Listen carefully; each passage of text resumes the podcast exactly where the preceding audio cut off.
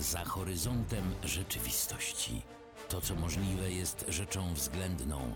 Na audycję zaprasza cech fantastyki Skierkon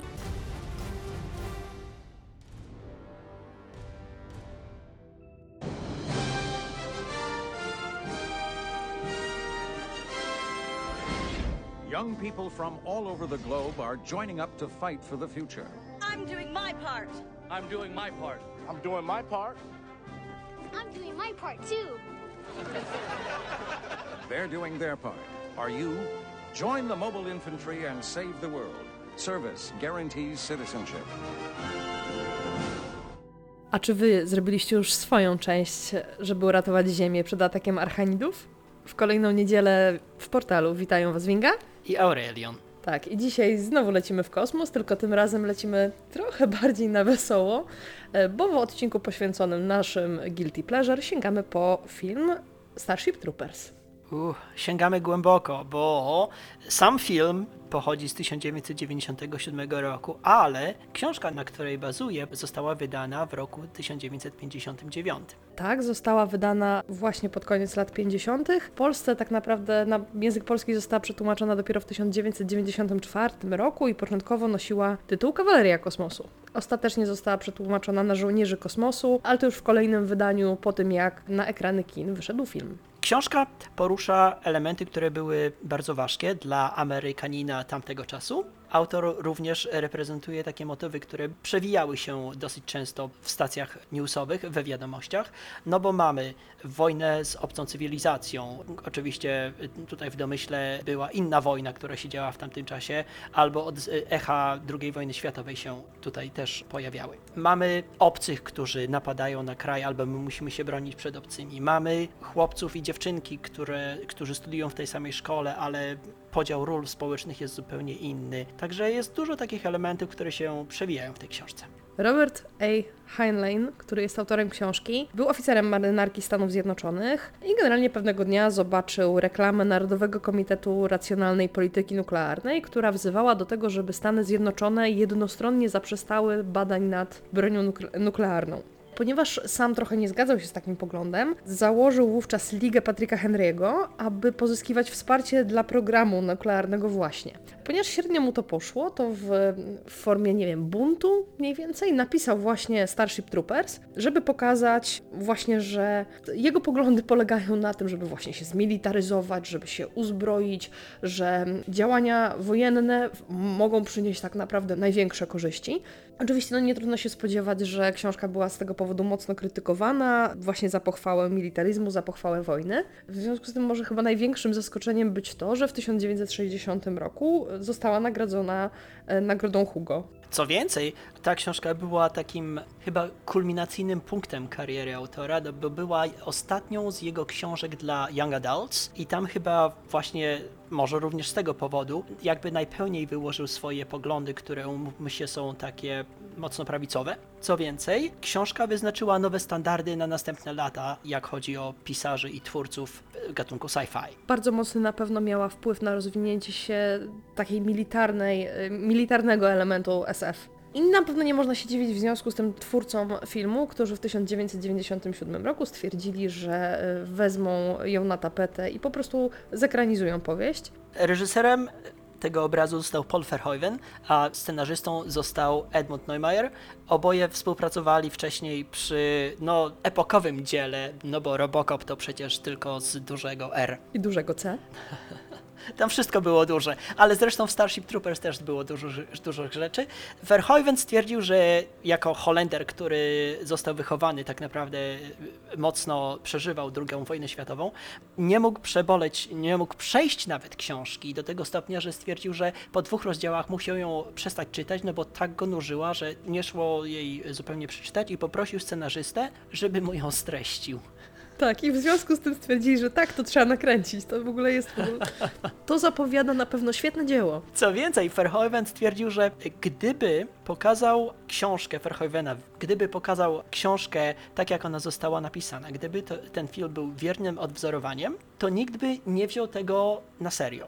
No bo te poglądy, które głoszono pod koniec lat 50., umówmy się, były takie mocno przerysowane, jak na koniec lat 90., kiedy filmowano. Generalnie w ogóle może kilka słów na temat fabuły i tego, co się w zasadzie w tej historii dzieje. Otóż mamy do czynienia oczywiście z Ziemią przyszłości, która jest w stanie wojny z insektopodobnymi archanidami, e, które oczywiście atakują nas i się straszne rzeczy dzieją. Każdy mieszkaniec Ziemi, żeby móc uzyskać pełne prawa obywatelskie, e, musi odbyć służbę wojskową. I jakby całą tę fabułę obserwujemy z punktu widzenia grupy uczniów, którzy właśnie kończą szkołę i decydują się wstąpić do wojska. No i umówmy się, że ten świat, który widzimy w filmie, to jest naprawdę taka utopia, to takie mokre sny nazistowskie, no bo tam wszyscy są piękni, młodzi, wspaniali, no poza nauczycielem, któremu brakuje jednej ręki. No i w związku z tym oczywiście jest cały rozgoryczony i stara się jakoś od, odciągać e, uczniów od e, takiej wspaniałej wizji nabywania praw obywatelskich na wojnie. Tak, no ale w tym filmie, umówmy się, mamy wszystko. Mamy wątek romantyczny, mamy typową amerykańską gimbazjalną historię, mamy zużyte, uwaga, 27 litrów sztucznej krwi. Mamy wreszcie te archanidy, które są naprawdę, muszę przyznać, świetnie przygotowane. Jak na film z 97 roku uważam, że są przygotowane bardzo wiarygodnie, naprawdę robią robotę. I oczywiście musimy mieć ich fruwające i wybuchające flaki. Do tego mamy fantastycznie przygotowane modele statków kosmicznych. I tutaj naprawdę chylę czoła przed ich twórcami. To nie są stateczki tak jak kojarzymy z Gwiezdnych Wojen, że one szybko latają i piu, piu, piu, piu. Nie, tutaj faktycznie się napracowali, wykonali bardzo duże modele, ogromne wręcz, które później w filmie wyglądają, że naprawdę potężne machiny gdzieś w kosmocie. One lecą powoli, one się mijają na milimetry i ten ruch jest taki bardzo powolny, ale w każdym razie jak widać te wszystkie manewry, to człowiek siedzi jest takie wow, jakie to jest epickie. Sceny walki są zdecydowanie kręcone z wielkim rozmachem i nie pożałowano na to budżetu. Innym elementem, który mnie bardzo zachwyca są pancerze wzmacniane i takie, wiecie, e- energetyczne, które po prostu są klasyką i, i były rewolucją, jak chodzi o literaturę i całą popkulturę sci-fi.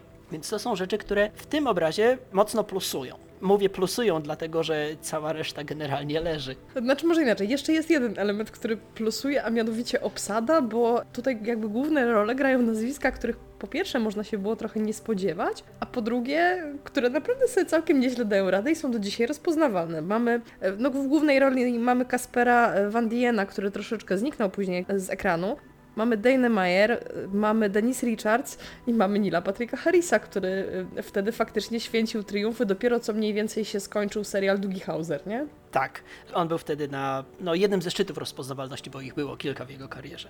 Ale to są faktycznie wszystko głośne nazwiska, rozpoznawalne nazwiska. To jest jaka, jakiś fenomen, że film nie zażarł i że ludzie zaczęli brać go zbyt dosłownie. No bo umówmy się, przynajmniej ja to tak oglądałem, że to jest mocno przerysowana, komiksową kreską wręcz, e, przerysowana właśnie taka utopia. I to mnie strasznie bawiło. I dziwiło mnie strasznie, jak mocno kry- krytyczne głosy pojawiły się od bądź co bądź profesjonalnych krytyków sztuki filmowej, którzy no ewidentnie rozminęli się z reżyserem. Mamy tutaj takie ogromne górnolotne hasła w tym filmie, że właśnie poświęcenie za kraj jest honorowe, że jeżeli ocalisz rodzinę i przyjaciół, nawet jeżeli zginiesz, to i tak jesteś bohaterem. Było to przygotowane w taki bardzo przerysowany sposób, trochę groteskowo, ale to miało swój urok. To właśnie wyglądało tak bardzo propagandowo. Tak, i ta propaganda, umówmy się, nawiązywała właśnie do takich klasycznych tropów, do takich klasycznych używała klasycznych elementów rodem z II wojny światowej. No bo były tam pompatyczna muzyka, były tam mundury, które wyglądały już to jak SS-owskie, już to jak brunatne koszule Mussoliniego. Były tam właśnie takie sztandarowe hasła, które się jakoś średnio odpowiadały rzeczywistości. Były tam w końcu olbrzymie budynki, które też stylem przypominały te, które się pojawiały również. Ba! Scena, którą e, otwieramy dzisiejszy portal, tak naprawdę była nakręcona kadr w kadr z jednych z najbardziej sztampowych filmów propagandowych tamtego okresu. Właśnie mamy głównych bohaterów, przynajmniej mężczyzn, którzy wyglądają faktycznie jak rasowi Aryjczycy. E, Mamy flagę e, Starship Troopers, która wygląda no kropka w kropkę jak flaga nazistowska, tylko kolory ma inne. Do tego naprawdę masa takich innych oczywistych nawiązań, jak w którymś momencie filmu na ekran wchodzi Neil Patrick Harris, ubrany w niemalże kropka w kropkę o, y, mundur oficera SS, to aż dziw, że nikt nie skojarzył, że tutaj reżyser wprost nawiązuje właśnie do propagandy nazistowskiej. To było tak mocno przerysowane i zakładam, że ludzie, może tutaj w Stanach, tak po prostu się utożsamiają z jakimś takim światopoglądem, który ma tego typu elementy, że po prostu nie dostrzegli tych przerysowań. A, zakładam, że w Europie, gdzie to wszystko było jednak no, mocniejsze i świeższe, to odbiór był chyba jednak inny. No ale ponieważ Hollywood rządzi światem, no to wyszło jak wyszło. Na pewno tutaj musimy zwrócić uwagę na jedną rzecz, że ten film absolutnie nie miał za zadania pochwały faszyzmu. Tutaj nie chodziło właśnie o sprzedawanie dalej nazistowskiej propagandy. Troszeczkę to miało za zadanie sprawdzenie może trochę, czy można nakręcić film o bohaterach, którzy są faszystami, ale tego nie wiedzą. Tak, dlatego że cenzura amerykańska nie przepuściłaby, gdyby zamiast takich robaków, dajmy na to, wstawić, nie wiem, armię dalekowschodnie, albo wręcz armię, armię, umówmy się, takie rosyjskie. To by wyglądało zupełnie inaczej. Ale jak są jakieś takie, no, raczej neutralne robaki, no to komu to zaszkodzi? Co więcej, zauważ proszę, Winga, że w tej historii to nie jest walka o swoje własne terytorium. My nie bronimy swojego własnego domu. My tak naprawdę, ludzkość tak naprawdę chce zdobyć władzę nad planetą, która jest zamieszkana przez robali, nie? Arachnidów. Także my tam jest wtargnięcie na ich terytorium, no i się dziwimy bardzo, że oni śmieją stawiać opór, nie? To dopiero robale. Jak mogą w ogóle kurczę? Także fajne to, co mi się podobały, takie elementy pastiszowe, takie elementy przerysowane, są tak naprawdę no, dostrzegalne na każdym kroku. Jeżeli zwycięska walka jest nagradzana tym, że czeka cię kolejna walka, no to to jest po prostu kapitalna przyszłość, nie? To jest, no, wypisz, wymaluj. No, czego więcej może chcieć prawdziwy alfa samiec? Tak, dokładnie. No cieszyć się na to, żeby po raz kolejny stawić czoła tym okropnym robalom. No tak. A z drugiej strony miejsce kobiet jest po prostu w domu, no i ewentualnie za sterami samolotów. Tudzież tak samo jak kobiety rodzą dzieci, tak samo mogą rodzić truperów, zrzucając ich na pole walki, nie? No bo, no bo do tego się nadają. Tak, to jest strasznie mocna interpretacja. Ja nie wiem, czy ja chcę tak daleko sięgać. W każdym razie faktycznie widać ten bardzo wyraźny podział, że mężczyźni nadają się do walki, kobiety ewentualnie jak już za stery statków. Natomiast jedną z postaci, która się wyłamuje z tego schematu jest Dizzy, grana przez Dana Meyer, która faktycznie tutaj normalnie staje do walki u boku mężczyzn.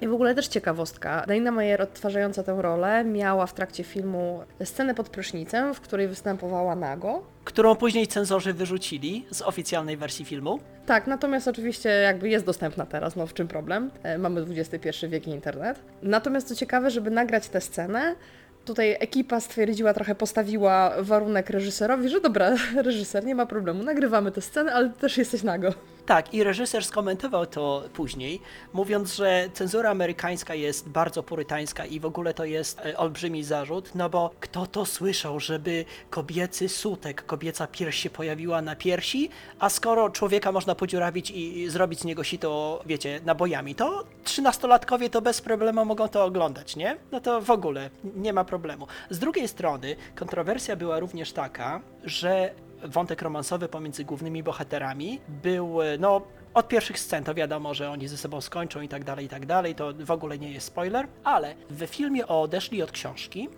w tym znaczeniu, że ta główna bohaterka miała być taka mocno podzielona, czy ma być z Johnnym, czy ma być z tym z drugim pilotem. Takie wahania po prostu nie przystoiły kobiecie. Po próbnych pokazach publiczność stwierdziła, że to nie może być tak, że kobieta może po prostu raz, że wiecie, kochać dwóch mężczyzn i, i że to kobieta ma wybierać pomiędzy mężczyznami, nie? No kto to słyszał, żeby takie zachowania proaktywne u kobiet, nie? Znowu jakieś takie dziwne komentarze. Verhoeven się po prostu wycofał z tego i we filmie troszeczkę inaczej to wygląda. I może szczęśliwie, wydaje mi się, że gdyby ten wątek romantyczny wyglądał troszeczkę inaczej, to film nie miałby takiego właśnie bardziej przerysowanego wydźwięku. No bo właśnie, y, wspomniałeś o tym, że y, krytycy bardzo ten film zjechali i faktycznie wynik finansowy no też pozostawał wiele do życzenia. Co ciekawe, właśnie nie wiem dlaczego zdecydowano się później nakręcić część drugą i trzecią, których przyznaję się bez bicia nie miałam okazji jeszcze obejrzeć i nie wiem czy będę miała okazję obejrzeć, bo nie wiem czy się na to zdecyduję. Są cztery sequele przecież tak naprawdę. O matko. Do tego byłam kompletnie nieświadoma.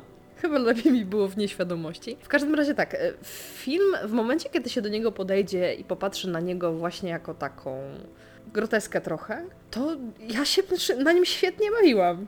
Ja też się na nim świetnie bawiłem, bo wiedziałem jak go odczytywać. Zakładam, że ludzie, którzy mają nieco szersze spojrzenie niż e, poza własny stan czy poza własny kraj, umówmy się, będą dostrzegali takie analogie. Ludzie, którzy mieli jakąś ekspozycję na to, co się dzieje w polityce światowej i co, y, którzy znają historię, dostrzegą właśnie, jak grubą kreską Verhoeven tutaj wszystko rysuje. Także ja z tym nie mam problemu. No ale umówmy się, że nie jestem przeciętnym Amerykaninem. Jeszcze nie jesteś Amerykaninem, więc wiesz. E, W każdym razie polecamy Wam gorąco. Obejrzyjcie sobie Żołnierzy Kosmosu, film Starship Troopers z 1997 roku. Tylko obejrzyjcie go właśnie z takim przeświadczeniem, że to jest film, który ma być zabawny, ma być przerysowany i dzięki temu może jego odbiór jest właśnie jako guilty pleasure. Napiszcie, którzy z bohaterów was bawią najbardziej i dlaczego. A jeżeli macie życzenie, no to który z kolejnych sekweli wam się najbardziej podobał? E, Słyszymy się po raz kolejny za tydzień. Kolejnych odcinków portalu i poprzednich możecie słuchać zarówno na naszym kanale na YouTubie, jak i na Spotify. Do usłyszenia. Cześć!